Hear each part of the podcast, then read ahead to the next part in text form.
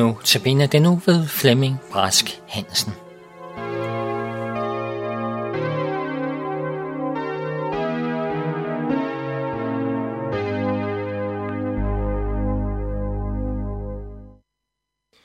I den kommende uge er det Flemming Brask Hansen, som holder notabeneandagterne.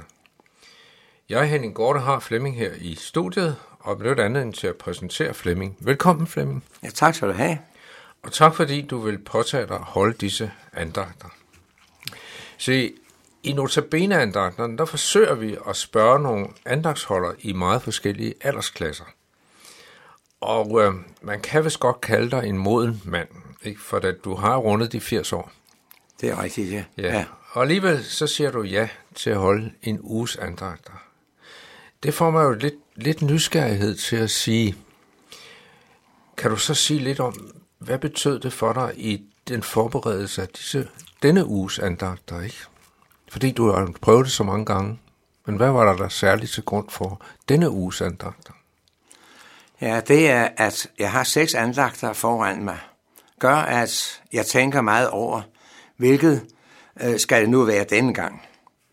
De to-tre sidste år har emnet været Jesu lignelser. Denne gang må det være noget andet, synes jeg. Ikke at forstå det således, at Jesu lignelser er opbrugt overhovedet ikke.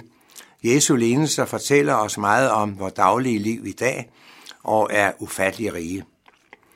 Ja, hvad betyder det for mig at skulle forberede mig til disse andagter? Det betyder uendeligt meget. Det vigtigste er min bøn til Jesus om Herrens vejledning og hjælp. Det er gennem bøn, og det er gennem bøn og kraft fra det høje, vi får hjælp og inspiration til vores forberedelse. Uden denne kraft fra den hellige ånd er vi magtesløse. Jeg synes at komme Gud og min frelser nærmere. Min afhængighed og hjælp fra Jesus gør mig svag i egne øjne. Jeg må lægge mig helt i Herrens hænder, og det er en stor velsignelse. I år bliver mine andagter fra Davids salmer fortrinsvis. Ja, du siger, det bliver fra Davids salmer. Er der en særlig grund til, at du netop vælger salmernes bog? Ja, i øh, salmernes bog har vi en perlerække af vidunderlige vers, der giver os hjælp til at leve vores daglige liv med Gud. Tænk nu et vers som dette fra salme 139, 23 af David. Rensag mig, Gud, og kend mit hjerte. Prøv mig og kend mine tanker. Se efter, om jeg følger af Guds vej. Lad mig, led mig af livets, af evighedsvej. Dette vers er skrevet af en absolut prøvet mand. Det er David, der siger dette. David var jo en stor mand. Han var jo konge, tænker mange. Ja, det er rigtigt, men han måtte gennem mange prøvelser og lidelser. Men David kom altid tilbage til Gud og fandt hjælp og kraft her og modtog søndernes forladelse. Vi har alle meget at lære af David. Derfor har jeg valgt i år at gå ud fra Davids salmer i mine seks notabeneandagter og beder om, at det må blive til hjælp og velsignelse for jer, kære lyttere. Ja, nu har du fortalt mig, at du har taget en fælles overskrift for disse salmer. Og den fælles overskrift, det er, min nåde er dig nok.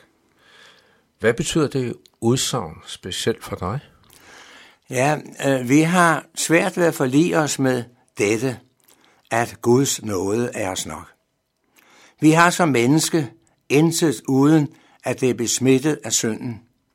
Og når det går op for os, og Gud ved sin ånd overbeviser om vores fortabte tilstand, når han viser os vores synd i al dens gro, og når det går op for os, at vi ikke har en jordisk chance for at komme fri i egen kraft fra lænkerne, som binder os, hvordan skal det så gå på dommens dag for Herrens domstol? Det har Gud selv svaret på. Har vi taget vores tilflugt til Jesus, dækker nåden hele vort liv, og det er nok. Vi behøver ikke mere. Så forstår vi, at, når, at noget betyder, at Gud forbarmer sig over os, som slet ikke har fortjent det. Det er hans kærlighed mod syndere, som egentlig har fortjent at gå fortabt. Nåden får hver eneste synd til at forsvinde. Vi kan sige det således, at kristendommens nøgleord er noget. At noget er i frelst, Efesus 2.8, og min nåde er der nok. Paulus havde et problem, der nagede ham. Han taler om det flere steder, blandt andet i, i øh, 2. Korintherbrevet. Og der står således, og for at jeg ikke skulle blive hovmodig af overmådig store åbenbaringer, blev der givet mig en torn i kødet, en engel fra Satan, som skulle slå mig, for at jeg ikke skulle blive hovmodig.